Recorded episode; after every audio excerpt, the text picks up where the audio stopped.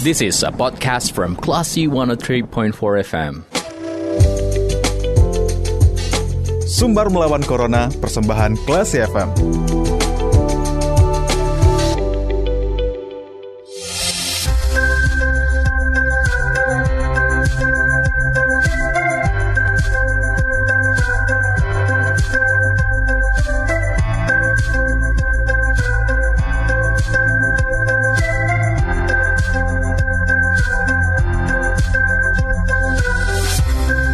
Empat kelas FM, this is the actual radio. Classy people, selamat sore. Saatnya Anda mencermati program Sumber Melawan Corona, kali ini bersama saya Faris Sardana. Dan kita akan berbincang bersama pejabat pengelola informasi dan dokumentasi RSUP Dr. M. Jamil Padang.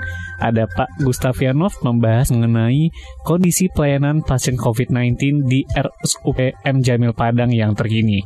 Assalamualaikum Pak Nov. Waalaikumsalam warahmatullahi wabarakatuh. Mas Farid dan pemirsa Radio Klati di rumah. Sehat Pak Nov? Alhamdulillah sehat Mas Farid. Alhamdulillah. Nah Pak Nov, data dari juru bicara COVID-19 katanya saat ini uh, kasus COVID-19 di Sumatera Barat sudah mulai melandai. Bagaimana dengan RSUP Dr. M. Jamil Padang yang menjadi rumah sakit rujukan di semua daerah di Sumatera Barat saat ini, Pak Nov? Ya, uh, kita uh, 10 hari terakhir ini, uh, seming, uh, 10 hari terakhir ini uh, tidak ada lagi yang merawat pasien positif COVID, hmm. kecuali pasien suspek ya, hmm. pasien suspek uh, kita tetap uh, apa, uh, rawat, kemudian uh, uh, kemudian dilakukan pemisahan laboratorium, kemudian uh, swabnya. Setelah dilakukan pemisahan negatif, uh, dua kali uh, berarti pasiennya bukan apa uh, bukan positif uh, COVID lagi. Hmm. Berarti penyakit lain, namun uh, screening awal itu hanya untuk preventif ya, Pak Nov? Ya, memang uh, uh, tentu kita perlu apa juga ya kehati-hatian di sini. Hmm. Uh, kalau ada ada gejala-gejala awal, uh, mungkin dia penyakit lain, tapi ada gejala awal menunjukkan ke arah COVID, tentu kita akan melakukan uh, secara prosedur itu. Hmm. Nah Pak Nov, tadi Pak Nov mengatakan 10 hari terakhir. Ini maksudnya apakah tidak ada penambahan pasien baru atau memang di RSUPM Jamil sudah mulai kosong pasien COVID-19-nya Pak? Uh, kalau 10 hari terakhir kita tidak merawat uh, lagi pasien COVID ya, ya hmm. tidak ada pasien COVID lagi yang di Jamil yang kita rawat. Yang yang kita rawat hanya pasien suspek saja. Hmm. Berarti memang benar-benar kosong, alhamdulillah gitu ya Pak? Alhamdulillah, mudah-mudahan ini bisa kita pertahankan terus. Ya, eh, mudah-mudahan supaya uh, semua aktivitas uh, kita, masyarakat bisa berjalan seperti sedia kala. Amin, insya Allah. Nah Pak Nov, uh, 10 hari terakhir mulai tidak ada uh, pasien baru dan RSUPM Jamil tidak merawat pasien COVID-19 lagi. Sebenarnya kalau dilihat dari data yang sudah dimiliki oleh M. Jamil Padang, ini penurunan kasus COVID-19 dan uh, penerimaan pasien sejak kapan sih Pak mulai menurun? Uh, penurunan itu tuh, uh, mulai tentu ya puncaknya kita sama tahu puncaknya itu di tanggal uh, apa ya tanggal 1 Agustus kemarin itu hmm. puncaknya gitu. Kita betul-betul merawat banyak sekali pasien COVID di sini. Menurut data pasien positif saja hmm. yang dirawat di red zone itu, pasien dirawat di red zone itu ada 276 pasien, belum lagi pasien uh, yellow zone yang kita rawat. Hmm. Karena kapasitas di tempat kita memang ada lebih 300 tempat tidur untuk pasien COVID yang disediakan di M Jamil uh, di SUP M Jamil ini.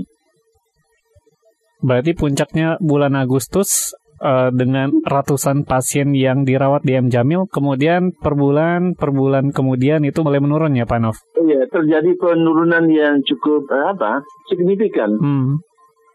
Baik, uh, kalau boleh tahu saat ini di M Jamil apakah masih ada zona merah atau pembagian zona ini Pak Panov atau sudah mulai berangsur normal, sudah green zone semua Pak Enggak, tetap kita akan menyediakan walaupun space-nya sebagian sudah kita kurangi hmm. karena kita akan memanfaatkan terhadap terhadap pasien-pasien green ya. Hmm. Uh, tetapi uh, uh, uh, uh, ruangan untuk pasien uh, apa uh, turret tetap kita sediakan di situ.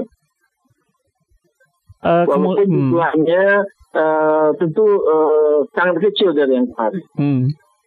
Tapi memang ya Pak Nov, saat ini kan bisa dikatakan kita bersyukur penurunan kasus ini sangat signifikan dan Uh, tapi dalam menghadapi libur Natal dan Tahun Baru itu masih ada potensi terjadinya kenaikan kasus. Bagaimana kesiapan dari RSUPM Jamil, Pak Nov? Ya, kalau kita M Jamil sebagai uh, rumah sakit uh, tersier rujukan terakhir di Sumatera Barat dan Sumatera Tengah, hmm. kita tentu menyiapkan diri untuk hal-hal seperti ini. Ruang red zone, ruang ICU untuk COVID tetap kita standby kan. Hmm. Walaupun kita bukan berharap ya, tetapi untuk antisipasi, untuk menjamin keselamatan masyarakat, kita tetap akan menyediakan itu. Baik. Apakah tenaga kesehatan di RSUPM Jamil sudah booster semua, Pak? Ya, alhamdulillah hampir semua tenaga kesehatan kita sudah uh, booster semua. Mungkin beberapa persen satu dua persen saja mungkin lagi. Hmm. Berarti uh, bisa dikatakan saat ini RSUPM Jamil sebagai rumah sakit tersier uh, di Sumatera Barat dan Sumatera bagian tengah itu insya Allah mudah-mudahan siap untuk menghadapi gelombang ketiga ya Pak Nov. Ya, eh, dalam arti memang uh, mulai dari fasilitas, mulai dari SDM kita, uh, sudah ya dalam memang selalu uh, apa uh, siap untuk antisipasi untuk gelombang ketiga ini. Hmm. Uh, biasanya nih Pak Nov, kan kalau ter terjadi kenaikan kasus yang jadi masalah ada ketersediaan tempat tidur, kemudian ketersediaan oksigen dan lain-lain sebagainya. Untuk antisipasi ini apakah juga sudah uh, dilakukan untuk beberapa item yang mungkin dikhawatirkan nanti malah terjadi kelangkaan atau yang lainnya Pak? Ya, tentunya mengenai uh, tempat ICU, hmm. ICU kita itu tuh luar biasa banyaknya. Hmm. Uh, lebih dari uh, kalau di total 60 68 68 tempat tidur di setingkat ICU kita sudah ada waktu COVID kemarin. Itu jumlah yang cukup besar kalau kita lihat di grafik rumah rumah sakit rumah sakit yang ada di Indonesia. Hmm. Kemudian masalah kelangkaan oksigen, alhamdulillah kemarin walaupun pasien kita puncaknya ada, uh, apa di puncaknya 276 yang red ada yellow sekian puluh orang lagi hmm. uh, tapi alhamdulillah memang uh, kesiapan kita untuk oksigen itu memang uh, kita punya storage yang cukup uh, uh, apa? Penyimpanan oksigen yang cukup lumayan. Hmm. ada untuk liquid itu ada sekitar sepuluh ribu uh, liter liquid kita punya uh, tabung situ. Bukan hmm. tabung tapi memang yang besar itu. Baik. Terakhir Pak Anov, apa yang mungkin bisa disampaikan buat masyarakat terkait dengan penurunan kasus yang cukup signifikan, tapi juga kita uh, harus bersiap-siap dalam menghadapi uh, lonjakan kasus yang mungkin saja terjadi di liburan nanti Pak? Ya, yang, yang pertama kita syukur kepada Allah Subhanahu Wa Taala yang telah uh, ya ikut menolong kita semua hmm, ini. Yeah. Kemudian kerjasama masyarakat, alim ulama, kemudian aparat pemerintah ini cukup luar biasa kita bersatu padu untuk menghadapi COVID kemarin ini hmm. dan uh, memang uh, kemudian kita berharap bagi masyarakat yang belum vaksin bersegeralah vaksin. Vaksin itu cukup mem, apa termasuk membantu mengurangi uh, permasalahan COVID di tempat kita ini.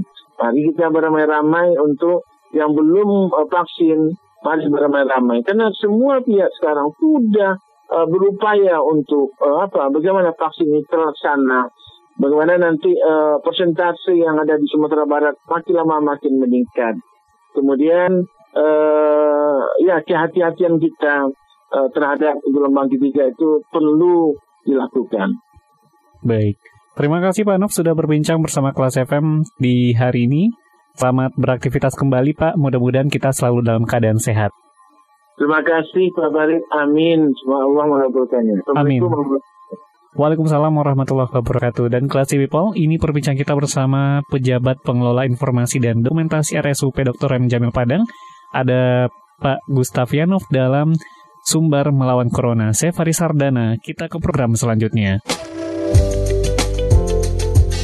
Terima kasih. Anda sudah mencermati program Sumber Melawan Corona. Cermati podcast obrolan ini di www.classfm.co.id atau download aplikasi Class FM.